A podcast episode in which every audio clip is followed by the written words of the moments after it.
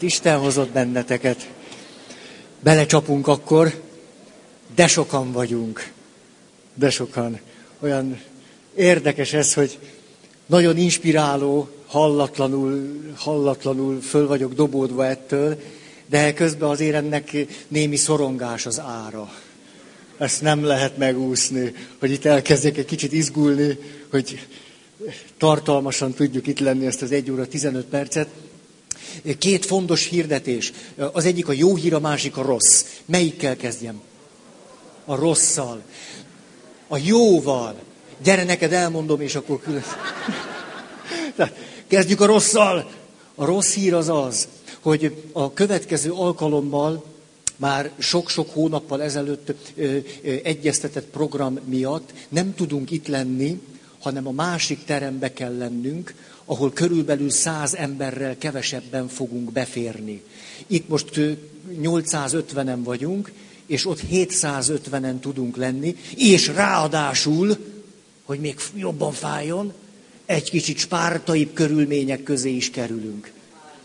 Ez azt jelenti, hát igen, hogy állni kell, ebben semmi vicces nincs, mert így lesz. Na, lesz ülőhely, de ha sokan akarunk be férni, akkor bizony állni is kell. Ezt csak azért mondom, ha valaki nem szeretné ezt az élményt átélni, akkor lehet, hogy nem érdemes jönnöd legközelebb.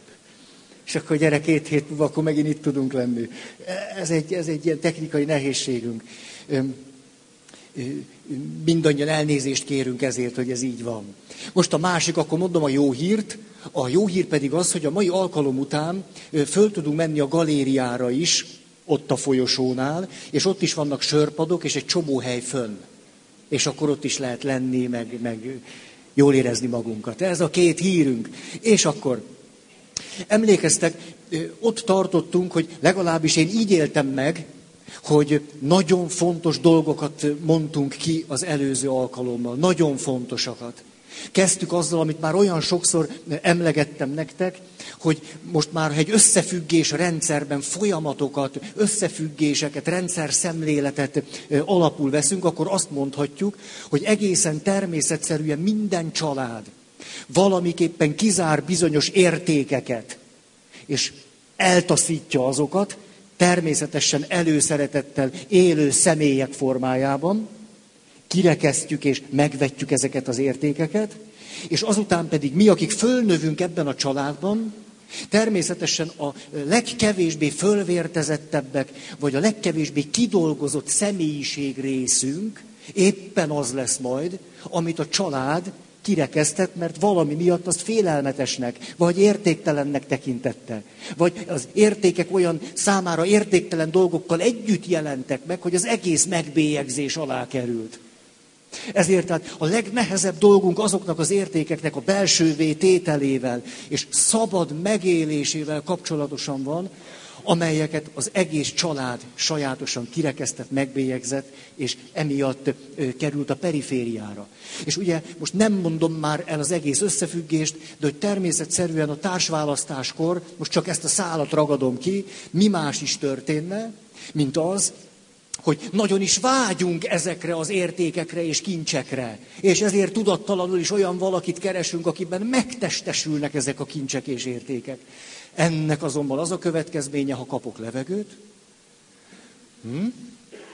ennek az a következménye, hogy előbb-utóbb, hogy a szerelem biokémiája már nem áll rendelkezésünkre a segítő erejével, szép lassan éppen azok a lélek részek, adottságok, tulajdonságok, jellemvonások, magatartásformák, amelyek egyébként, mikor szerelmesek voltunk, nagyon vonzónak tűntek, és azzal kecsegtettek, hogy kiegészülünk majd, és valami teljességre jutunk azzal a másik valakivel, éppen ezek elkezdenek vagy félelmet kelteni, csalódást okozni, dühíteni, rettegést okoznak, megőrülünk tőle, és jön a neurotikus allergia.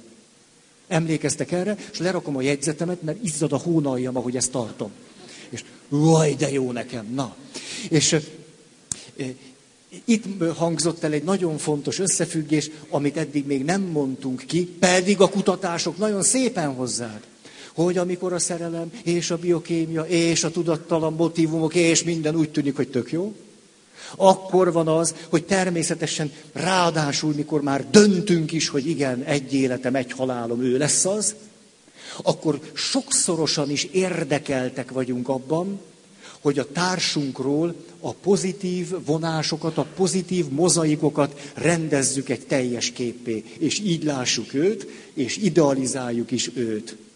És aztán pedig, hogy megy előre a kapcsolat, egy év, tíz év, harminc év, előbb-utóbb, hogy a folyamat megérik, teljes természetességgel, széttörik már tarthatatlan ez az idealizált kép, sok esetben azért, mert az idealizált kép mellé olyan sok elvárásunk társult, ugye az idealizálás előbb-utóbb elvárások formájában jelentkezik. Muszáj, hogy olyan legyél. Kikönyörgöm, kipasszírozom, kisírom, kidühöngöm, kipofozom belőled. És mikor kiderül, hogy nem, hát egyszerűen nem, na akkor széttörik ez az egész kép, amit rólad, vagy a kapcsolatunkról alkottam, és akkor a negatív vonásokat veszem elő, és abból rakom ki a képet. És akkor emlékeztek, jönnek ezek a gondolataink, elkezdjük nullától kezdve újból átélni és értelmezni mindazt, ami velünk történt, a megismerkedéstől kezdve. És egyszer csak egy teljesen más történet... Hm, most köptem egyet. Milyen jó, hogy van nyálam. Ma, tényleg ez egy milyen öröm, örömhír, ezt most megosztom veletek. Van bőven nyál, úgyhogy lehet beszélni. Ha van egy kedves ismerősöm, mindig, mikor elkezd beszélni, akkor fogy el a nyála. Hát különben meg minek az a sok nyál? Ugye a legfőjebb az evéshez. Hát milyen jó nekem van, ugye ez? Na és mi történik? Hogy elkezdjük tulajdonképpen újra élni és újra értelmezni az egész élettörténetünket, már a közös történetünket. És akkor jönnek ezek a mondatok, hogy azt, hogy lehet, hogy hogy történhetett az meg egészségedre hogy nem vettem észre, hogy trüsszenget. Hát pedig egészen most tulajdonképpen, hogy most trüsszentettél, rájöttem, ezt máskor is csináltad. Hát ez egy ilyen trüsszentős pasi. Hogy nem tűnt ez nekem föl? És hogy, hogy nem zavart annak idején, amikor így trüsszentett? Mert ha nyálazna, az hagyján, de nem trüsszent. És akkor egy óriási csalódás van bennünk, hogy elkezdjük önmagunkat is rettenetesen kritizálni, hát vakok voltunk, ezt elszúrtuk, az elejétől kezdve elszúrtuk. Ott voltak a mik is? A jelek. Hát ott voltak a jelek, és ilyenkor aztán, hogy újra értelmezzük, újra mondjuk a saját történetünket azzal a társunkkal, egyszer csak eszünkbe jutnak a barátnők. Hát tulajdonképpen a Panni mondott valamit. Most a, tulajdonképpen az augusztba beültünk az esküvő előtt néhány hónappal, és most már látom, a Panni arcán volt egy zavar. És hogy előkerült a, a, a, a lendő esküvő, hát most már értem ez mi. Vagy hogy az összes halaram a kocsmában röhögött. Ugye, a férfiaknak ez is egy jel, mert mi csak ilyen mi csak ilyen durvából értünk, ez, oh, akkor valamit, mi a hülyék vagytok. Nem, te vagy a hülye. Na szóval. Tehát újra, újra mondjuk, újra értelmezzük az egész kapcsolatunkat, és most teljesen egy negatív összefüggés, negatív keret, és a pozitívumok, gyönyörű mozaikok, gyönyörű szép üvegdarabkák, színes mozaikkockák, ott vannak a semmibe. Azokból most nem látunk semmit. Semmit, de semmit. És ilyenkor, hogyha elmegyünk a segítőhöz, mondjuk a paphoz, és azt mondjuk, atya, jó, ide nem szabad jönni. Azt mondták, nem szabad megközelítenem. Tényleg. Látjátok, nem is tudtátok, milyen veszélybe vagyunk. Nem, csak a mikrofonos ember nem mehet oda közel. És akkor eljössz, és azt mondod, atya, egyszerűen egy káosz és elmondod az élet történetedet nullától, már a megismerkedéskor ott vannak a jelek. Tulajdonképpen egy nagyon fáradt nap volt. Rettenetesen. Tulajdonképpen, hogyha nem vagyok olyan fáradt, lehet, hogy föl se tűnik nekem az a nő, de annyira fáradt voltam, lehet, hogy azért ma az is jó volt ott. Szóval, és akkor végig, végig tólod a történetet, van egy óra. Végig tólod, és olyan negatív, csöpög a boldogtalanságtól. És én hallgatom, egy jámbor pap, és tele vagyok jó szándékkal. Hö, ahogy szoktam. Fél óra után, hát ez nem, ez tényleg. Hát ez még, még folytatja, én, én rosszul vagyok. 40. percnél egy ilyen halványima. Istenem, köszönöm, hogy pap vagyok. Ó, ez a te külön kegyelmed, ett, ettől óvtál meg. Hát ez a szegény bárányka is milyen boldogan látott neki. És tessék, itt ül. Ó, uram, szép az élet. És akkor 55 perc, és na atya, ehhez mit mondasz?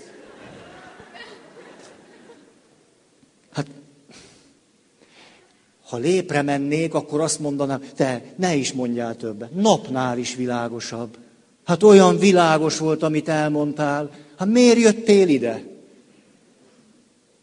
Á, eddig az ismétlés. Mert idáig, idáig jutottunk.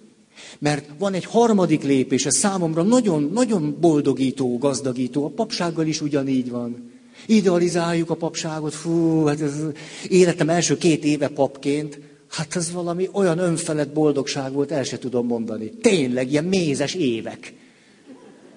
Papi mézes évek. Tényleg, ez milyen jó, ezt még sosem mondtam így.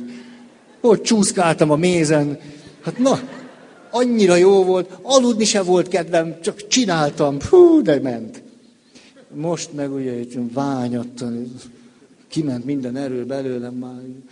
Szóval a párhuzamok világosak, és hogy az első lépés az idealizálás, utána az idealizálásunk elvárásokká fokozódik, az elvárásoknak a társunk nem tud, és előbb-utóbb nem is akar megfelelni, összetörik a kép, Pozit, negatív, negatív, negatív, de nem itt van vége. Hát, ha nem akarod. Mert a harmadik lépés az az, hogy összerakjuk a reális képet. És a legérdekesebb az lesz, hogy ez a reális kép már csak akkor tud összerakódni, ha magadról is megcsinálod a reális képet. Mert a harmadik képnek a titka, és itt most mesélhetnék egy mesét, de megkíméllek titeket, múltkor kettő volt ma azért csak nyugi. Szóval nyugodtan lehetne mesélni egy mesét, kitalálva benne egy fordulatot, hogy az a harmadik kép már nem attól áll össze, hogy megtaláltuk az összes mozaikot, hanem hogy előtte megtaláltuk a saját arcunkat. És akkor valaki rálátott saját magára, emlékeztek megtalálni az utat, ami oda vezet, ahol vagyok. Mikor megtaláljuk az utat oda, ahol éppen vagyok, ott van egy reális képen magamról, többé-kevésbé, akkor van lehetőségem rólad kirakni egy reális képet. Különben belefulladok a, a idealizáló és a démonizáló összefüggéseimbe. És a félelmeimbe, a haragomba és a csalódásomba. Na most, megyünk, mert megyünk, na. Öt pontba szeretném akkor összefoglalni a kapcsolat fejlődésének az ívét, öt pont, hogy megragadható legyen. Azt mondta egy kedves ismerősöm, tanulás elmélettel, vagy mivel foglalkozik, és azt mondta, Feri, már régen itt lenne az ideje, hogy témakörönként teszteket gyártsunk, és ellenőrizzük a tudást. Ezt mondta. Feri, te azt gondolod, hogy tudják, amiket mondod? Dehogy! Nagyon, nagyon kritikus volt velünk. Azt mondta, megmutatom, hogy mondta. Te azt gondolod, hogy emlékeznek? Nem emlékeznek. Csak élvezkednek itt. Hazamennek, és azt gondolják, hogy hát ez megvan, ezt értem. Kérdeznéd vissza tőlük. Nem emlékeznek. Na, úgyhogy öt pont öt pont, hogy hogy is van akkor a folyamat? Az első, szimbiózis. És a szimbiózisnak mondanám egy amerikai családterapeuta által nagyon frappánsan leírt négy egymásra következő mondatát. Ez a szerelemnek a négy nagyon sajátos, de egyetemes kifejezése és kijelentése, tehát egészségetekre. Tehát mindegyikünkre érvényes, akik többé-kevésbe szerelembe estünk, és azt viszonozták. Mert van, aki úgy csinálja, hogy már azt se viszonozzák. Ugye? Na. Elvesztettem. Tényleg, hol van?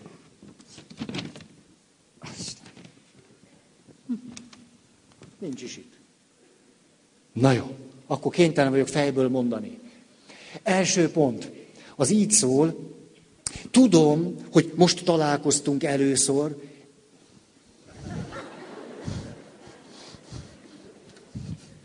Ezt majd gyakorlom a tükör előtt.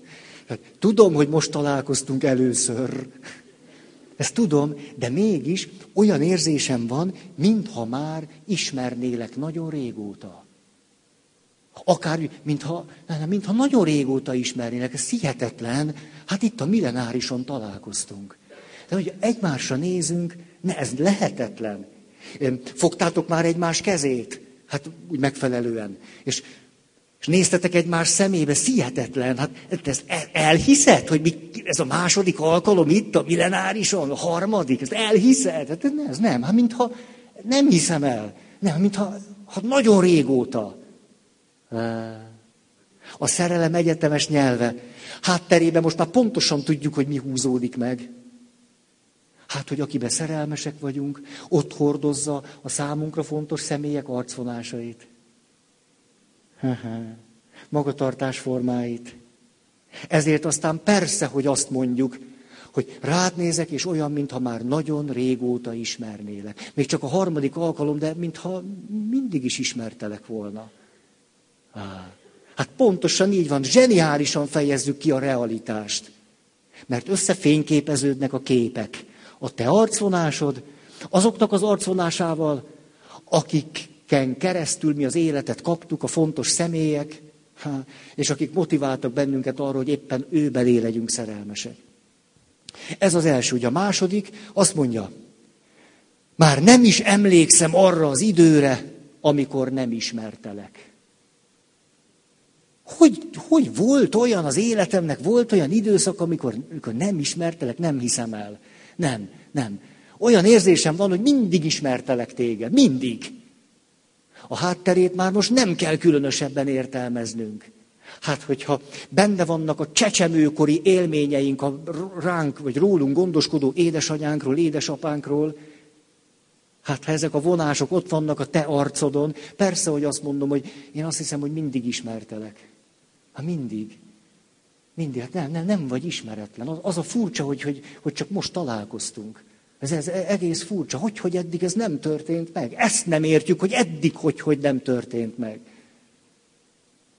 Harmadik, amikor veled vagyok, többé nem érzem magam egyedül. Valahogy teljesnek érzem magam. Veled. Akkor szerelmesek vagyunk, mit mondunk? Veled megázni is jó. De így van, nem? Hát nem ez a normális. Veled végigállni a millenárison, a másikba, így.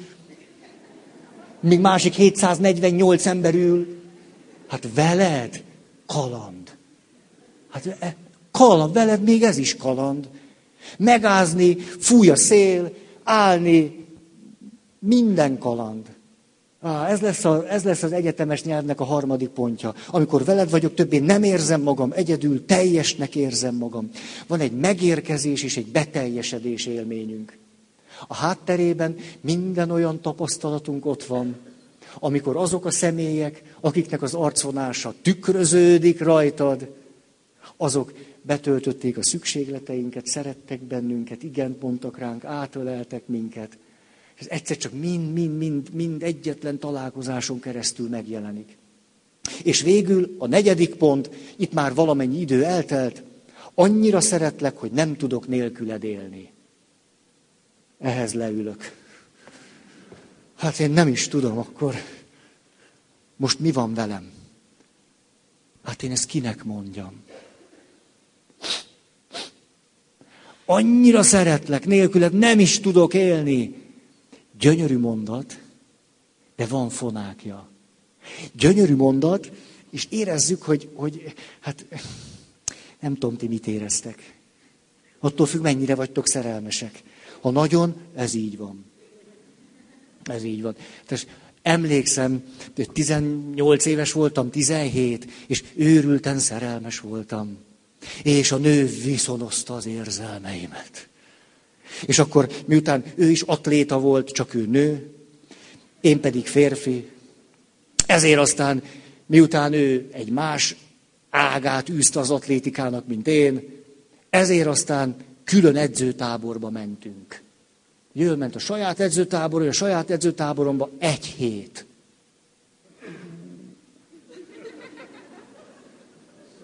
És milyen hihetetlen jól esett nekem az a mondat, amit látjátok, 17, az már majdnem 30 éve mondott. Azt mondta, Feri, nem biztos, hogy így mondta.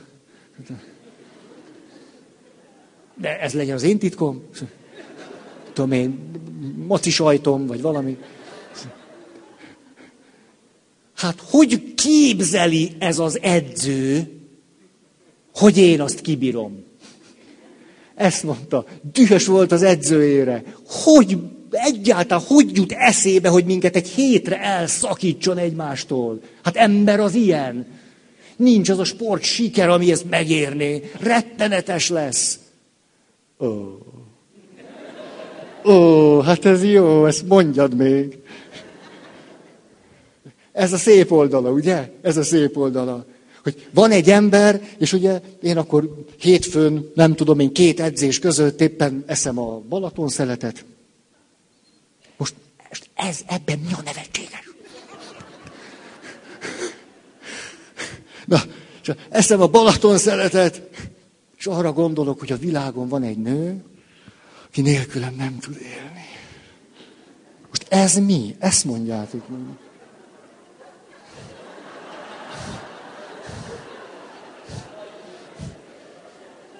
Most nevetség tárgya lettem, ugye? Itt éppen valami nagy monológ közepén. Egy... Szóval, megvan bennem az érzés, azért is ültem le egy kicsit, hogy ezt átéljem. Hogy milyen, milyen úgy élni, hogy tudom, hogy van valaki, aki azt mondta, hogy nélküled nem tudok élni. Hát, hát hogy, hogy, hogy ne lenne varázs az élet ilyenkor? Ez a színe. Mi a fonákja? Mikor azt mondom, én nem tudok nélküled élni, akkor ezzel tulajdonképpen teljességgel, mintha a saját életemért érzett felelősségtudatomat, a szabadságomat, az önrendelkezésemet, és mindent, ami egyébként egy társkapcsolatban is kell, mintha teljesen eldobtam volna. Vagyis e, ennek a mondatnak van egy gyönyörű üzenete, Nélküled nem élet az élet, és nélküled nem tudok élni, de ha megfordítom a pólomon hátul, nem az van, hogy nélküled nem tudok élni, hanem hátul az van, akkor minden érte vagy felelős. Akkor most már minden rajtad múlik, hiszen én nélküled nem tudok élni. Fölfogtad a felelősségét? Hát ezt mosolyogva mondom, de nézd csak, mi van itt hátul. Ez a mondat, amit minden normális szerelmes kimond már egy idő után a kapcsolatban, gyönyörűen ragyog, és óriási árnyéka van. És tulajdonképpen a kapcsolatban, ahogy mennek, telnek a hónapok és az évek, be is bizonyosodik, hogy ennek a mondatnak milyen óriási színe és fonákja van. Ahogyan ténylegesen, ténylegesen az történik, hogy a kapcsolatra mutatva azt mondjuk, hogy na akkor nálad a labda, neked kellene valamit csinálni, neked kellene megváltozni. Hát nyilvánvaló, hogy hát egy kapcsolatban vagyunk, nekem valami nem jó. Hát hogy folytatódik? Kapcsolatban vagyunk, te azt mondod, szeretsz engem. És én mondom neked ötötször, hogy nekem ez így nem jó. Hát akkor nyilvánvaló, hogy meg kell változnod. Hát én nélküled nem tudok élni, Világos, hogy akkor nálad pattog a labda. Hát tessék, tessék, csináld már, nem is értem, hogy ezt hogy nem érted meg. Ó, ez volt az első, a szimbiózis. És a szimbiózisnak négy sajátos mondata, amit a szerelmes kimond, és közben a négy mondat mögött látjuk a rejtett üzeneteket, az összefüggéseket és az árnyékát. Ah, de ez így rendben van. Szerintem ez egyáltalán nem baj, hogy így van. Ez szép. Hát ez így, így van és szép. Jó. Na. Második, Távolodás, csalódás, leválás, a vezérmondatunk nem is olyan. Hát most rájöttem, hogy nem olyan. Nem, nem olyan, nem olyan. Eddig mondta, hogy szeret, most már tudom, hogy nem. Eddig azt mondta, hogy én vagyok neki a legfontosabb, de most már látom a magatartásából, hogy nem. Nem. Mert a kosarazás neki fontosabb volt kedden. Elment kosarazni simán. Vitte a sportcipőjét is. Az már arcátlan dolog, nem? Mert ha csak úgy mezitláb kimegy a hóba, rendben van. De hogy úgy higgadtan, előre megfontolt szándékkal, kedden, amikor én nekem szükségem lett volna rá, ő csak úgy, na, csak úgy fogta magát, és tudatosan bepakolta a sportcuccát. És hús, hát tudjátok,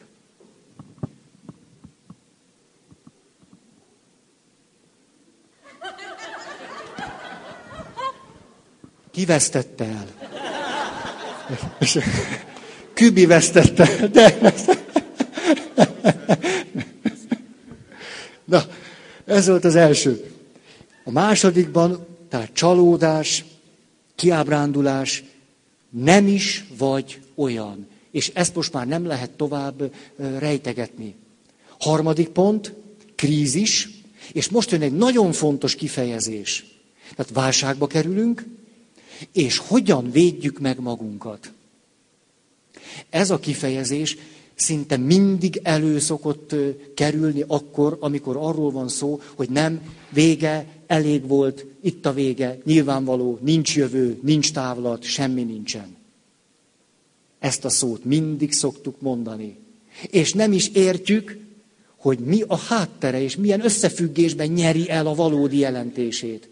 A kifejezést már most nem... Mindenki vegyen elő egy papírt, tollat, és írja le, hogy mit gondol. Az be fog vésődni. A mondat így szól, nem is mondat, két szó. Védekező elhidegülés. Idealizálás, elvárások. Óriási, óriási, óriási vágy, hogy te törzsd be a szükségleteimet, egy csalódás, rájövök, hogy mégse vagy olyan, de én közben még ki vagyok nyitva. Hát még ott, ott van az idealizálásod, még közben pedig aztán a rettenetes csalódás, a kettő még együtt van bennem. Még nem jutottam el a realitásig, a fájdalomig jutottam el. És mikor ez itt bennem van, és ez forog, és kering, és... Meg akarom magamat védeni tőled. Ugye a félelem, harag a másiktól. Ezért elhidegülök, de az elhidegülés nem azt jelenti itt, olyan könnyen mondjuk, hogy ja persze, hát már nincs dolgunk egymással. Vagy nem tudom én, odébb ment a Merkur. Hát jó, biztos odébb ment. De hanem meg akarjuk magunkat védeni ebben a még nagyon kiszolgáltatott és nyitott állapotunkban. Amikor a realitásig nem jutottunk még el, még a saját én erőnket nem szereztük vissza, még teljesen, teljesen várnánk a másiktól, ha jelentkezne a társunk, és azt mondaná, rájöttem, tényleg mindent úgy kell csinálni, hogy szoktat tőlem kérni. Már írnánk is alá a papírt. 80 évre. Tehát még itt tartunk. De mert ez nem történik meg, hogy ne űrüljünk meg. Egyszerűen, hogy az érzelmeink ne szabdaljanak szét, hogy egyáltalán munkaképesek legyünk. Most tegye fel a kezét, aki munkaképes. Na, szóval.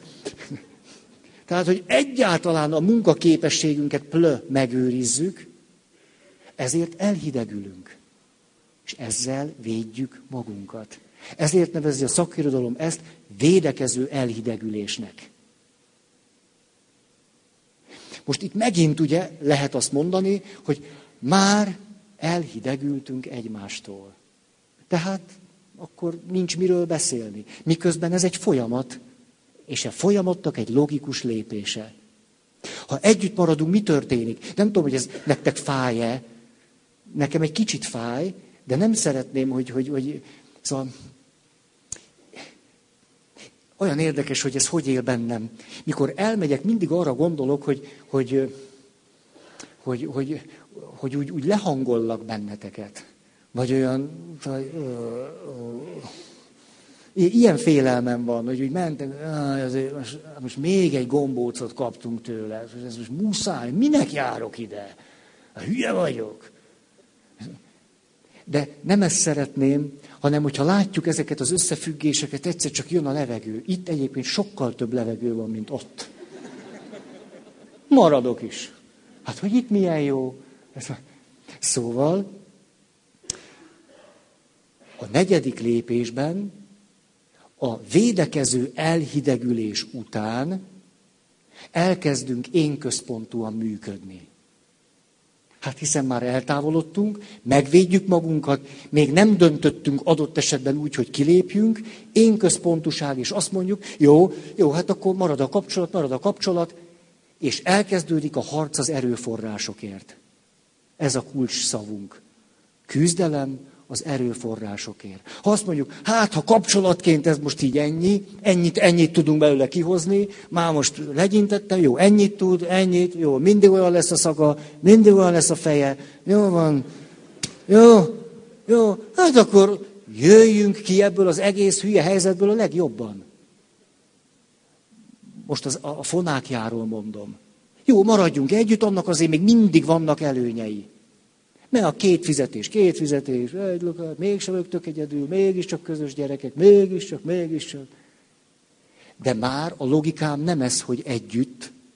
A logikám az az, hogy lehetne a legtöbb erőforráshoz jutni úgy, hogy én a legkevesebbet adjam be.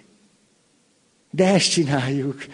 Ez. És akkor, hogy mondjam, monoklíg menő harc, kinek mennyi szabad ideje van ki mennyit dolgozik a lakásba, ki porszívózik, mennyit porszívózik, ki törli a port, ki megy el a gyerekért, ki megy el a másik gyerekért, hol lesz a nyaralás, hány nap lesz a nyaralás, minden, minden a küzdelem tárgyává válik, de minden. És azt mondjuk, mindegy, valahogy egyezkedünk, egyezkedünk, a lényeg, hogy és még akkor egész jól megéri. Néha földereng olyan ez, mint amikor valakinek volt megtérés élménye, hogy de jó, igen, régen még szerettem Istent. Jé, most meg már csak templomba járok. De, jé, néha úgy földereng, hogy volt olyan, hogy szerettem Istent, most meg már csak a templom maradt. Jé. És aztán elhesegetem magamtól, és azt mondom, nem, hát, hát az egy időszak volt, semmi, ez az élet. Ez így, így, akkor toljuk, nyomjuk, ez az élet. És tudjátok, itt, amikor valaki föleszmél, hogy most ezt akarom-e így, vagy nem. Mert végül is ezután már, hát már nem, nem sok minden, tehát a vészkiárat van. Ugye, hát megnyitjuk az ajtót, és azt mondjuk, na jó, kezdjük valakivel újból.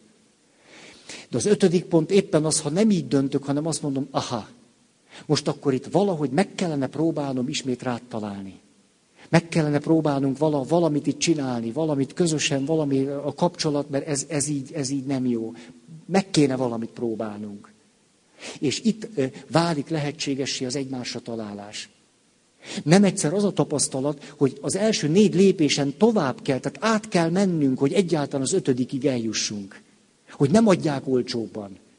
Hogy egy kicsit meg kell égetni magunkat. Mit mondott Kierkegaard, emlékeztek? A szeretet teljessége az, amikor szeretem azt a valakit, aki boldogtalanná tett. De ez nem egy neurotikus himnusza, hanem hogy valami, valamit elindul bennem, hogy de hát tulajdonképpen most fontos vagy-e nekem annyira, hogy ideig tartó boldogtalanságot is elviseljek, Érted? Fontos vagy-e nekem annyira? Értékes vagy-e nekem még ennyire? Vagy már nem vagy értékes, már csak a boldogtalanságomat látom. Téged már nem, csak a boldogtalanságomat. Ezért az ötödik lépés egy óriási nagy lehetőség, nem is mindenki lépi meg. Azért, mert az ötödik lépésben következik be az, amit a másik modellben úgy mondtunk, hogy a reális képet rólad, a kapcsolatunkról, vagy az életről már csak akkor tudjuk kirakni, ha magunkról is ki tudjuk rakni a reális képet. És ez pedig nem tud szenvedések, fájdalmak, fölismerések, gyászmunka és egyebek nélkül történni. Nem tudjuk elkezdeni az addig kidolgozatlan lélek részeinket növelni, hogy közben az ne fájna, hogy a növekedés fájdalmát ne élnénk át. Nem, ez nem valósítható meg, tehát egyszerűen fájnia kell. De ez nekem megint nem egy rossz hír. Az, ha fájnia kell, akkor normális, ha fáj. Akkor nem pech, nem kiszúrás, nem szerencsétlenség, nem átok, így normális. Nőttetek nagyot serdülőkorotokban? Lehet, hogy nektek furcsa, de én igen. És tudjátok, milyen az egy évben nőni 20 centit? Voltam 189 centi, most vagyok 195, tehát 189 cent és 53 kiló. Ú, hát izomér a henteshez kellett volna menni, mert az rajtam nem sok volt, akkor csak ina. De most is emlékszem, hogy abban az évben 14 éves voltam, akkor nőttem nagyon nagyot. És most is emlékszem, hogy az a 20 centi növés az azt jelentette, hogy nekem folyamatosan izomfájdalmaim voltak. Fájtak, folyamatosan fájtak az izmaim, és nem tudtam vele mit csinálni. Hihetetlen hülye érzés, de jó a kicsiknek. Nem is tudjátok, mit úsztatok meg. Hogy lefekszel aludni, és fájnak az izmaid, és akkor emlékszem, mentem, futottam, mert kifutom magamból. És akkor is fáj. Egyszer nem, nem, lehetett, nem lehetett elmulasztani, mert az a növekedéshez tartozott hozzá. És aztán egyszer csak hozzánőttem magamhoz. Ez történt. És akkor földobtam egy tizenötöst, és most meg olyan vagyok, mint... Hát ezt ne folytassuk. Jó, akkor még mindig maradjunk a kapcsolatnál. Szeretnék tapasztalati bölcsességeket mondani, hogy amikor valaki az ötödik fázisban azt mondja, vagy te nekem olyan fontos, hogy egy ideig, óráig nyugodtan lehetek boldogtalan, mert te nekem annyira fontos vagy. Hát amikor valakinek a másik és a kapcsolat tud ilyen fontos lenni, nem azért, mert a boldogtalanságot idealizálja, vagy az áldozat szerepbe van, mert neurotikus, nem ezért, hanem mert a növekedés fájdalommal jár, hogy akkor milyen bölcsességeket tudunk kimondani. Ezek tapasztalati bölcsességek lesznek, nagy segítségünkre vannak. Persze, nagyon érvényes az, amiről a múltkori mese szólt. Ha csak válaszokat akarunk, megoldásokat, tanácsokat és jó gyakorlatokat, tévúton járunk. Mert amikor valaki az élet nagy kérdéseire válaszokat akar, a problémáira megoldásokat, a nehéz helyzeteire tanácsokat, és az élet útjára meg jó gyakorlatokat, ki akarja kerülni a fájdalmat hogy ne kelljen a kérdés súlyát élnie, ne kelljen a, az életnek a terhét magára vennie, hanem egy gyors válasz, egy jó megoldás, egy ügyes gyakorlat, hát ha megúszatja velünk. Nagy kísértés ezért akkor válaszokat keresni, és sokszor a kérdés súlyát kell tartani. Emeltetek súlyt. Nagyon érdekes. Én a, ugye az atlétikával együtt az is járt, hogy valamit erősíteni is kellett, ez már nem látszik rajtam, de vissza tudok emlékezni, és olyan jó. És emlékszem, milyen ö, ilyen életprogramom volt, hát atlétaként, ugye hát elég magas vagyok, hogy a saját testsúlyomat ki tudjam szakítani. Ugye a szakítás az az, amikor egyetlen húzással a fejed fölé teszed, és akkor nyilván fölállsz vele, tehát a lökés, meg amikor ide melkasra veszed, és utána lököd ki. És hogy milyen óriási dolog volt az, ahogy a, az eleje tulajdonképpen még egész könnyű. Mert az elején mi történik, most mutatom, aztán majd magyarázom. Az elején az történik, hogy hogy fölállsz, egyszerűen csak fog, húzod föl a súlyt.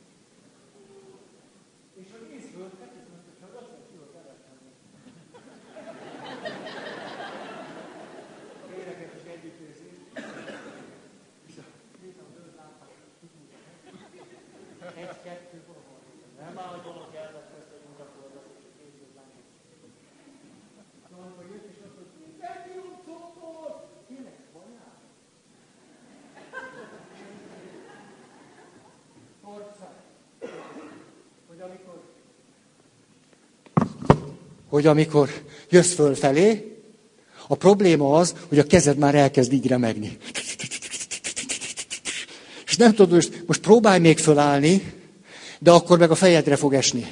Mert mire fölállsz, a fejedre esik, azt tudni, mert nem bírod már. Vagy most próbál, próbál tartani, de akkor meg nem bíz fölállni. És ez a két dolog nehéz egyszerre.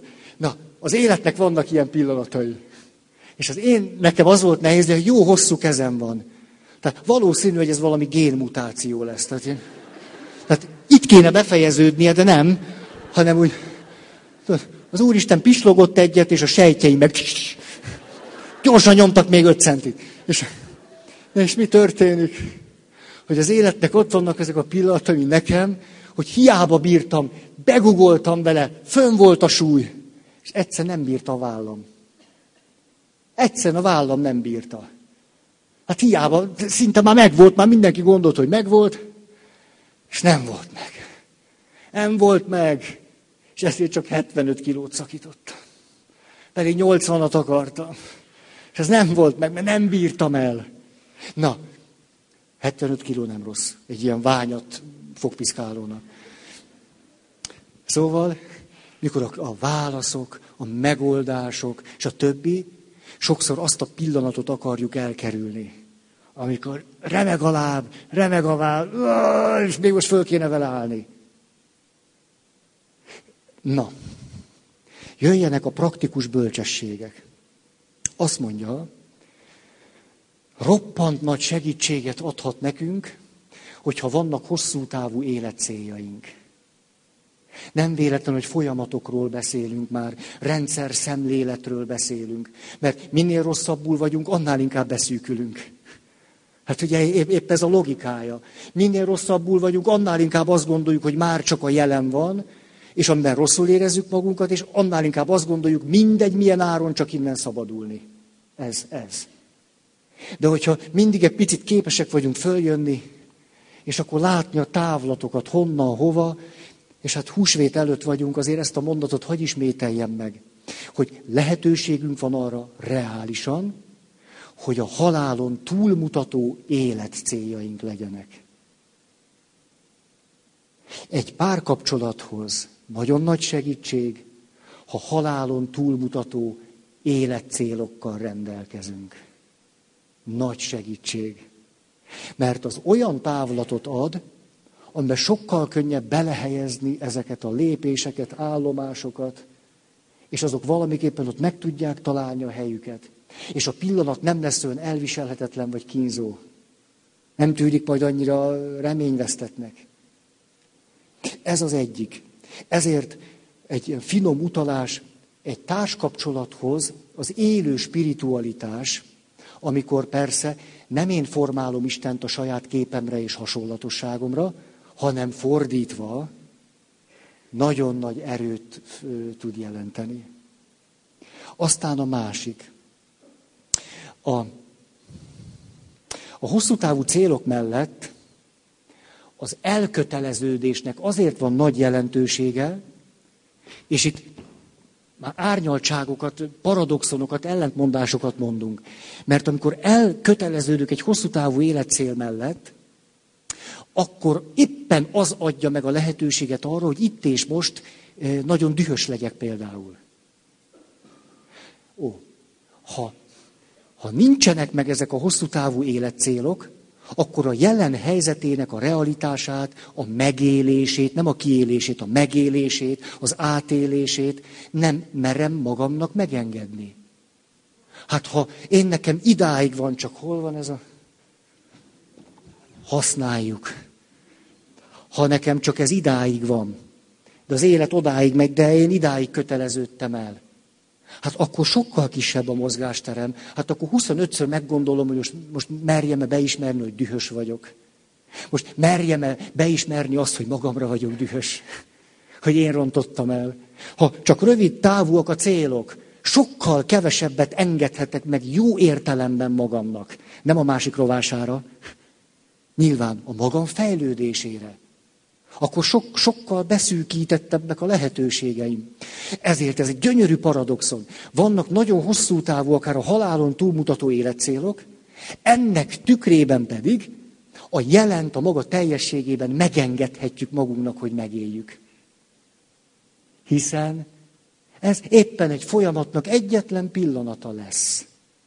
Annak is tudjuk tartani, nem veszünk bele, mint egy feneketlen kútba, nem gondoljuk, hogy mindig így lesz.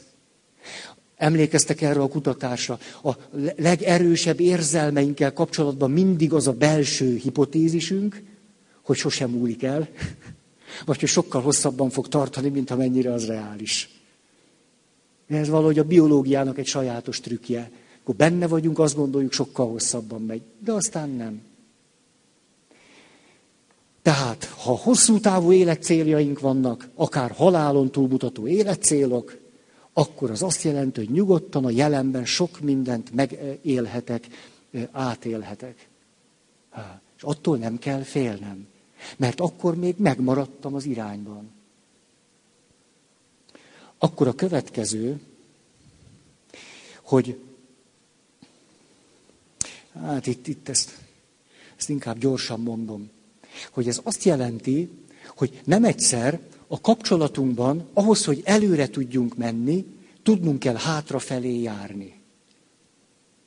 Hát ez egy ilyen hülyeség. Tehát, hogy előrefelé menjünk, vagy jussunk, hátrafele járunk. Persze ez egy látszólag, mert mondom a példát. A példa az az, hogy nagyon szeretnék vele tartós és boldog kapcsolat, kapcsolatban élni, Odáig, ameddig az élet tart. Igen ám, de ebben a pillanatban nagyon dühös vagyok rád. És kifejezem ezt a haragomat. Nem becsmérellek, nem minősítelek, nem megvetlek, nem kirekeszlek. Egyszerűen csak dühös vagyok, rettenetesen. Látszólag? Hát hogy? Hát vele akarom leélni az egész életem. Hát mi lesz így ebből? Most itt dühöngök. A valóság, a realitás pont fordítva van. Ha ott vannak a hosszú távú életcélok, akkor megélhető a jelen. Ezért látszólag néha visszafelé megyünk. A megbocsájtás folyamatában is pontosan ez történik. Meg akarok valakinek bocsájtani, elő kell vennem a haragomat, meg a bosszú fantáziáimat.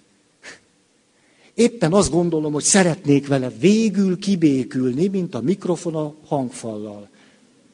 Mikor tudna ez létrejönni? Most az András néz ez megőrült. Ez, hogy szeretnék kibékülni. És a kibékülésnek mi a föltétele?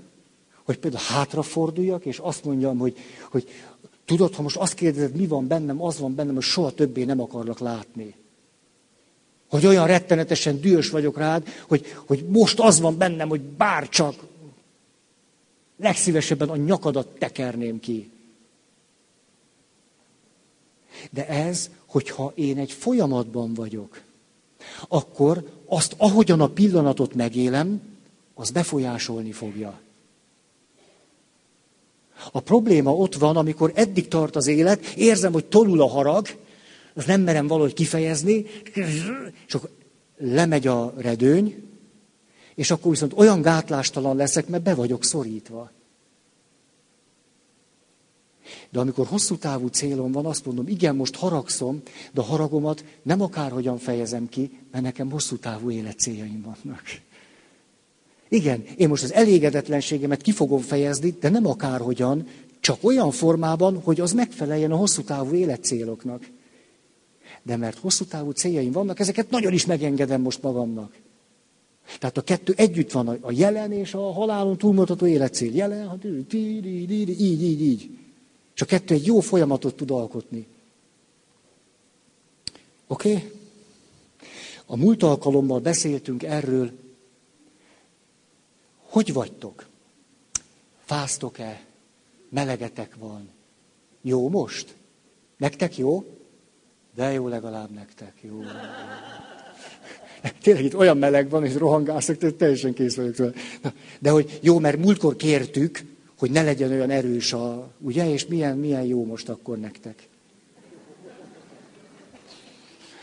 Na látjátok, szóval, múltkor beszéltük ezt, hogy kiegészítő igazság. Ez egy nagyon jó kifejezés, hogy a társamnál mindig az én igazságomat kiegészítő igazság van. És ez még akkor is így van, hogyha a társam éppenséggel szorult helyzetében, haragjában, vagy kiszolgáltatottságában, kirekesztettségében, vagy emberi gyöngeségéből adódóan ezt a kiegészítő igazságot nagyon, hogy is mondjam, szalonképtelen módon képviseli. Hát ott kezdődik a művészet, hogy én a kiegészítő igazságot, ami nálad van, akkor is képes vagyok valamiképpen fölismerni és megbecsülni, ha egyébként fáj az, ahogyan te azt képviseled. Hát a szülő nem így van a serdülővel.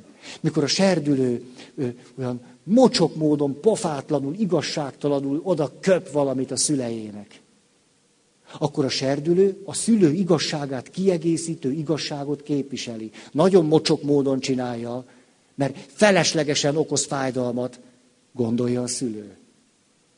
Valójában, ha a szülő eléggé hosszú távon összefüggésben gondolkodik, azt mondja, hát az én fiam most bizony megbánt engem, de ez az ő igazsága, amivel kiegészíti a szülő igazságát. Ez pedig az, hogy sose válna le rólam, ha nem engedné meg magának az arcátlanságot. Akkor mindig lenne egy pont, ahol engem védene, önmaga helyett. Sokszor, amikor átlépünk egy határt, akkor értjük meg azt, hogy mit jelent, hogy most magamat meg tudtam védeni. És nem téged védtelek, hanem magamat. Sokszor ezt másképpen nem tanuljuk meg, csak hogy néha átlépünk egy határt. És utána rájövünk, nem, ezt a határt többé már nem kell átlépnem, mert meg tudom magamat védeni. A saját példám az az, hogy ilyen jó szándékú papként nehéz volt nekem nemet mondani. Jött a sok kérés, és akkor, jaj, persze, azt is valahogy beszorítom, nem baj, két órát alszom, de hát ez olyan fontos. Hát... Mi történt? Rájöttem, hogy ez így tarthatatlan. Megtanultam nemet mondani. De hogy csináltam? Nem. Úgy, hát egyáltalán örültem, hogy tudtam mondani, hogy nem. Még szépen is mondja, már nem tartottam ott. Egyszerűen nem voltam még ott. Egyáltalán föl kellett oda nőnöm, hm? hogy magamat meg tudjam védeni a kérésektől. A jó indulatú, érthető kéréseitektől. Ezt megtanultam nemet mondani, bárdolatlanul tanultam, meg úgy ment. Tehát, és akkor rájöttem, mentem az, hogy hogy miért voltam ilyen elutasító. Hát most akkor is nem, ha mosolyogsz, Feri. De nem, úgy nem. Nem! És akkor ez több mint egy évenbe került, hogy magamba tudatosítottam, hogy Feri, már most tudsz nemet mondani, most már mondhatod kedvesen is. Most már oké, okay, meg tudod magad védeni, most akkor lehetsz megint, megint olyan hogy neked is jó lesz. A másikról nem is beszélve. Ó, tehát ez miért fontos? Mert a társkapcsolatban tényleg ezer érvünk tud lenni arra, hogy a másik miért egy, na most már azért ez tényleg több a soknál. Hát szóval nincs az az igazság, amit így lehetne képviselni. Ez nagy csapda. Amikor valaki egy igazságot teljesen lehetetlen módon képvisel, akkor majdnem biztosak lehetünk abban, hogy ő egy kiszorított, kiszolgáltatott pozícióban érzi magát. Különben miért úgy képviselni? Ha lenne több ereje, lenne bölcsessége, rálátása, én ereje, akkor olyan szemét lenne. Nem szorulna rá. Akkor azt úgy mondaná, az olyan agresszív lenne, nem szorulna rá. Ugye azt mondta Gandhi, az erőszakmentesség az erős embereknek való. Hát nem az képes az erőszakmentességre, aki kettőt nem bír szólni. Az erőszakmentességnek az való, aki az erőszakkal tud mit kezdeni. Ezért azt tudja mondani, hogy most akkor nem. Tehát itt sokszor az ördögi kör akkor indul el, mikor ténylegesen, teljesen jogos emberi kifogásaink tudnak támadni a másik viselkedése, reakciói és egyebekkel kapcsolatban. És ez már akkor a napnál is világosabb, nem, hogy ezen tulajdonképpen nincs mit gondolkodni. Tehát ez egyszerűen annyira, annyira egy mocskos dolog volt, hogy ez, ezen nem, nem, nem gondolkodok már. Kár. Kár. És persze, amikor valaki így fejezi ki magát, az nem akarok mindent egy kalap alá venni, de nagyon gyakran, természetesen egy olyan kiszolgáltatottságnak a tünete és a jele, amit ő is nagyon régről hoz. És ő is most azt újból átéli. Tulajdonképpen a társkapcsolatban az eredeti család összes zsákutcáját magunkkal hozzuk. És azokat újból és újból megéljük a kapcsolatunkban. Az összeset. Hmm. És ráadásul azokban már be is gyakoroltuk magunkat. Tehát nyilván nem is könnyű változtatni rajta. Na de, oké? Okay? Ez volt a kiegészítő igazság. Csoportokban, ha van köztetek főnök, munkáltató, ah, nem tudom én, csoportvezető, nagyon nagy dolog, hogyha ezt valaki tudja használni.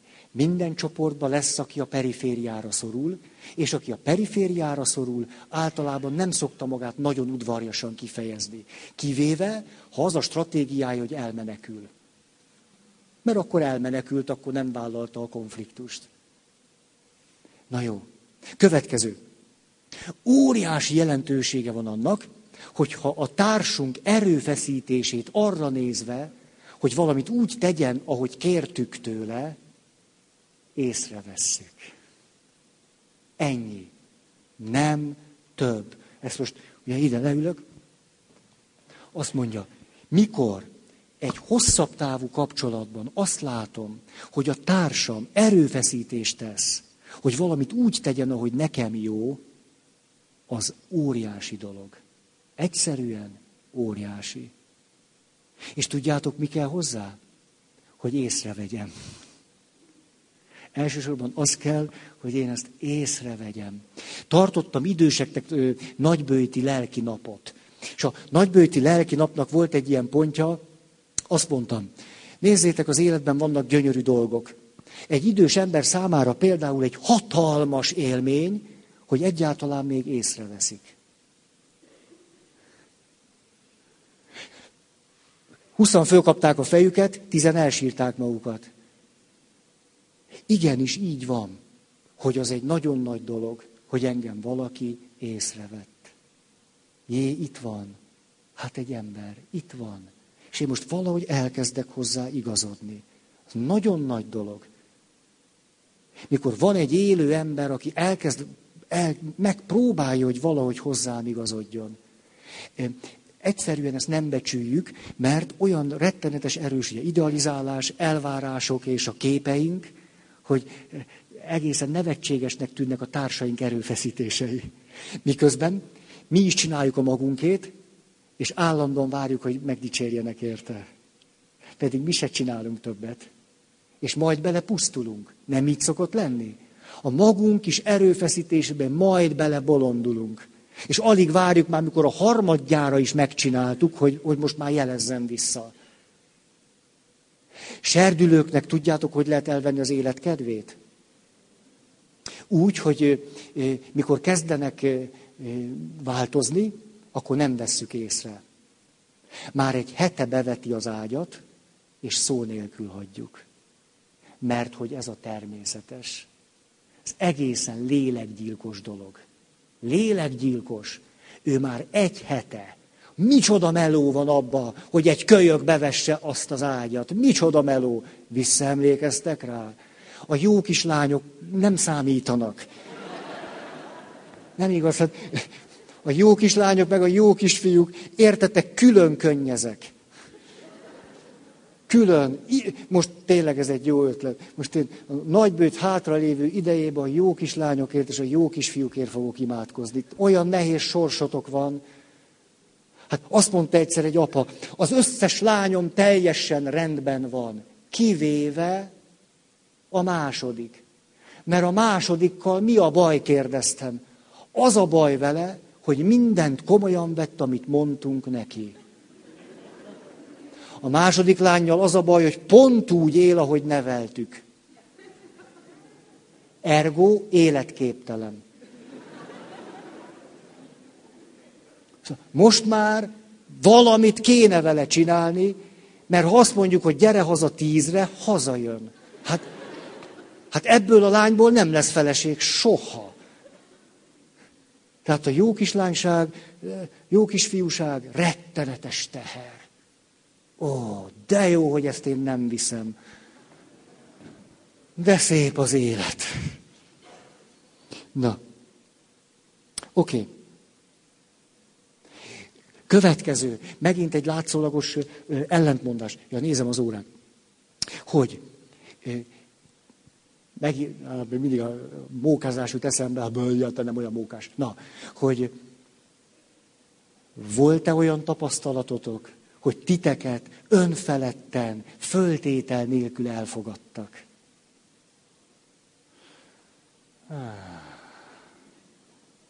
Hát ez, hát, hát ezt ki is próbálom.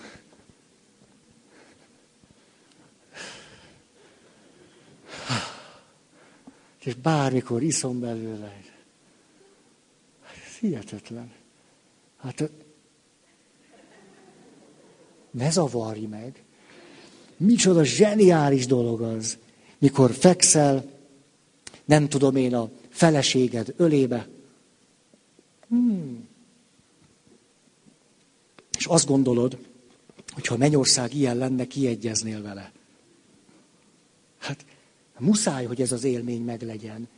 Gyerünk, gyerünk.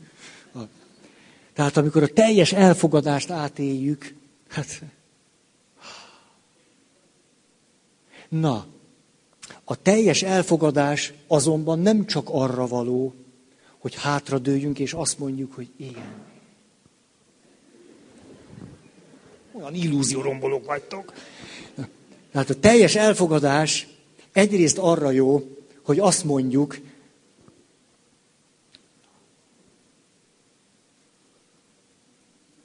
Csaba, legalább te tudd már, ez az életkorod miatt. Na. Na, a teljes elfogadás egyrészt arra jó, hogy azt mondjuk, hogy még... Még... Hát ne, nem, erre, nem erre jó? Még, még, még, még, még. De ez csak az egyik része. A teljes elfogadásnak a másik része, hogy a teljes elfogadás arra jó, hogy legyen bátorságunk, védett közegünk, indítatásunk változni és fejlődni.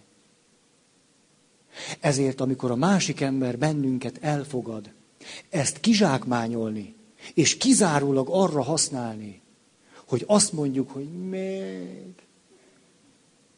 Ez az élet vereségét jelenti egy ponton túl.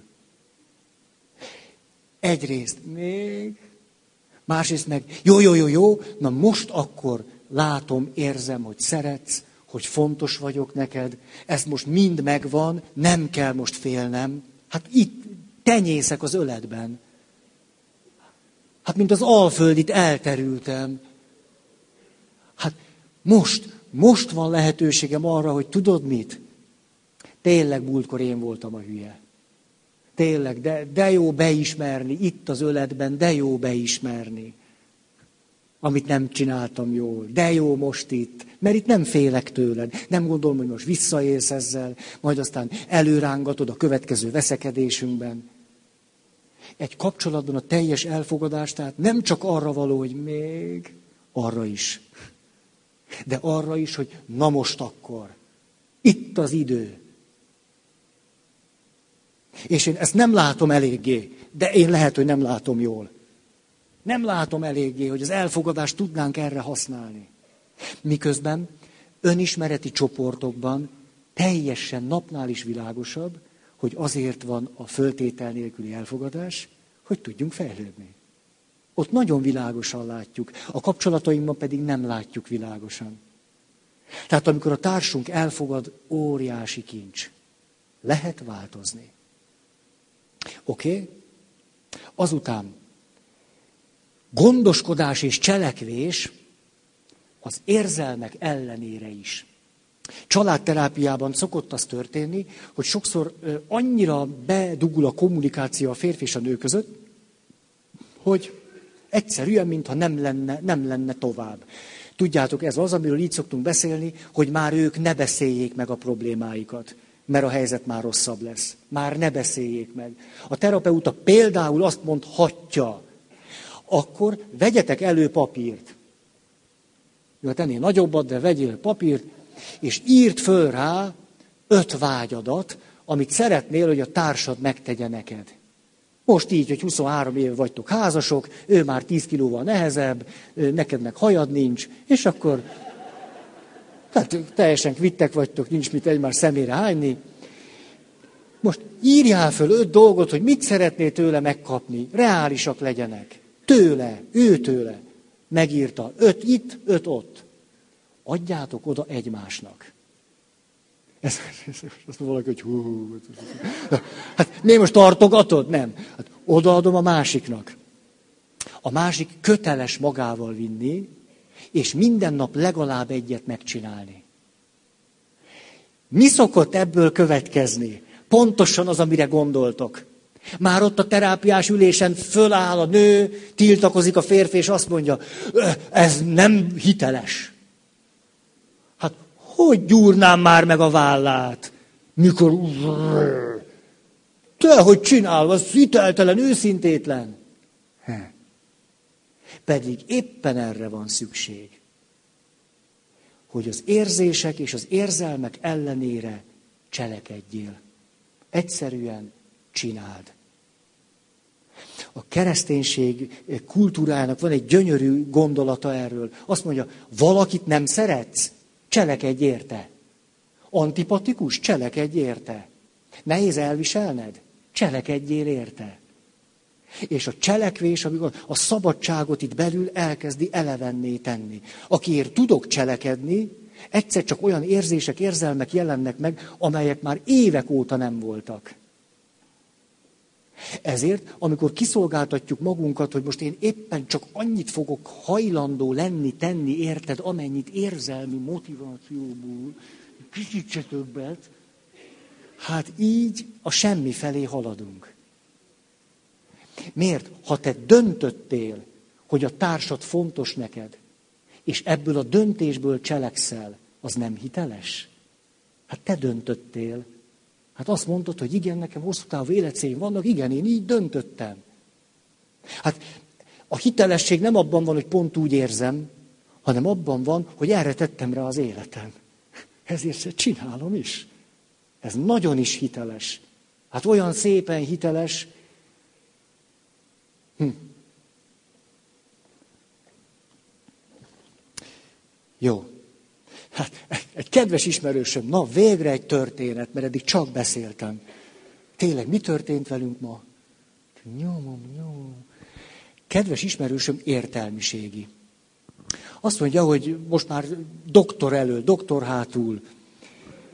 És azt mondja, hát ilyen valaki csak így, így különben nem tudom, mi lenne vele.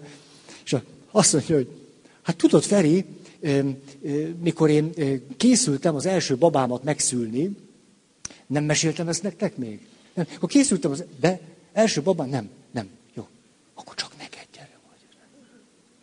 Szóval, mikor készültem az első babámat megszülni, minden hónapban mentem, konzultáltam az orvossal. Hogy most mit csináljak, akkor most mi a következő lépés, akkor most hogyan csináljam. És végül egy nagyon rendes szülész ö, volt, és akkor már éppen szültem, Hát ment, mentek, ment már, aminek mennie kell, és nem kezdek itt mindent. Na, és akkor ment minden, és mindig mondja ez a valaki, mindig kinéztem, és akkor most mit csináljak? És akkor a szülész tök rendes, most nyomja, most, most mély levegő, most akkor. És ez így ment órákon keresztül. És akkor megint néz, néz a nőre, néz a nő a férfire, már orvosra, és akkor most mit csináljak? Az orvos sóhajtott egyet, és azt mondja, ha most már szülje meg.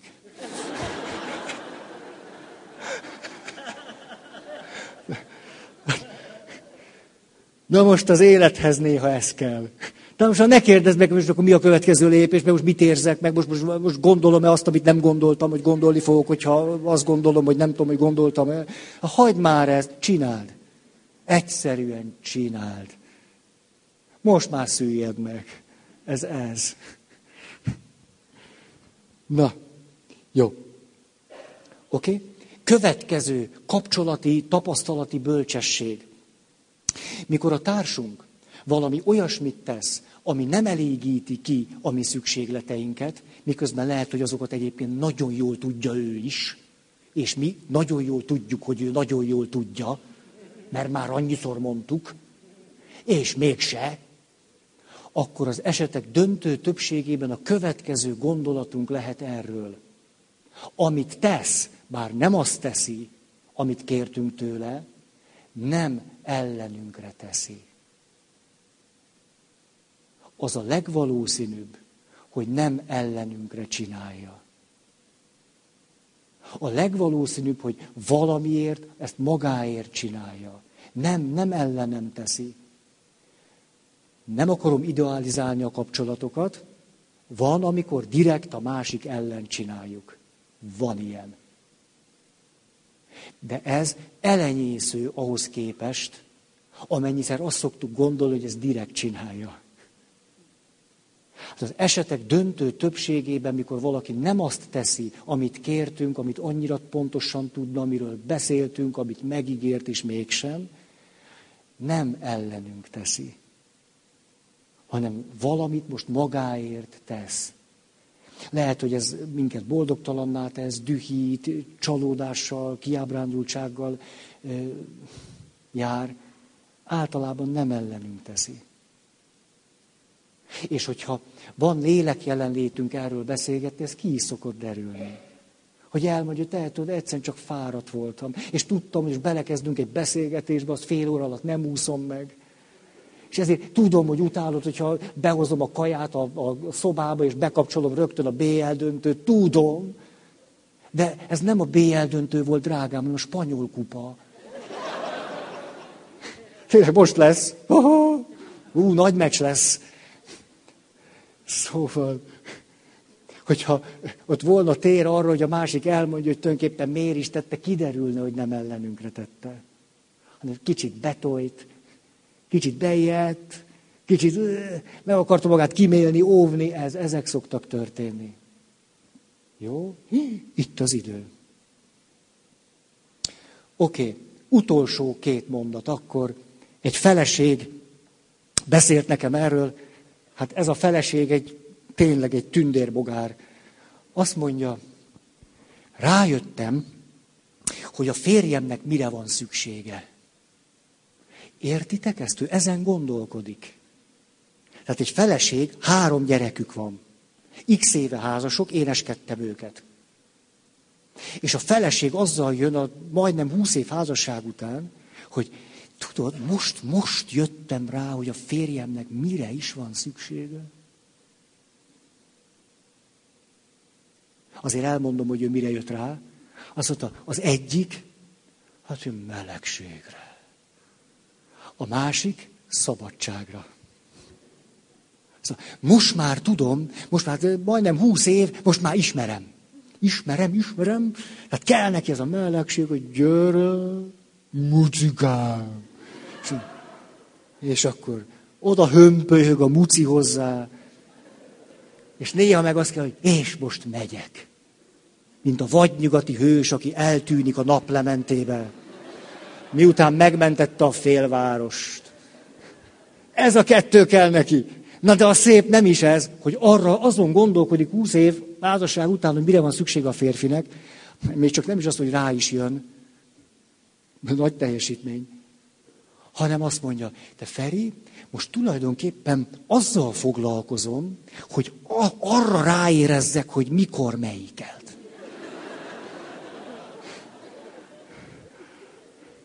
Hát lehet, hogy rossz pályát választottam, amíg ilyen nők vannak. Hogy húsz év házasság után ez is látszik, hogy na, na, megy az élet. Most er, ez, ez, ezen, ez, ez, rájövök-e, hogy mikor melyik. És a legszebb ebben, hogy a férje pont ugyanilyen. Ezért mindenki már rájuk irigykedik. Pedig nekik is van ez. Azt ők se ússzák meg. Na jó van. Akkor nagyon szép húsvétot nektek. Igen. És akkor legközelebb 750 hely. Állóhelyek. Nyomor. Szenvedés. Most viszont fölmehetünk a galériára is. Na jó. Akar-e valaki hirdetni? Gyere, kérünk.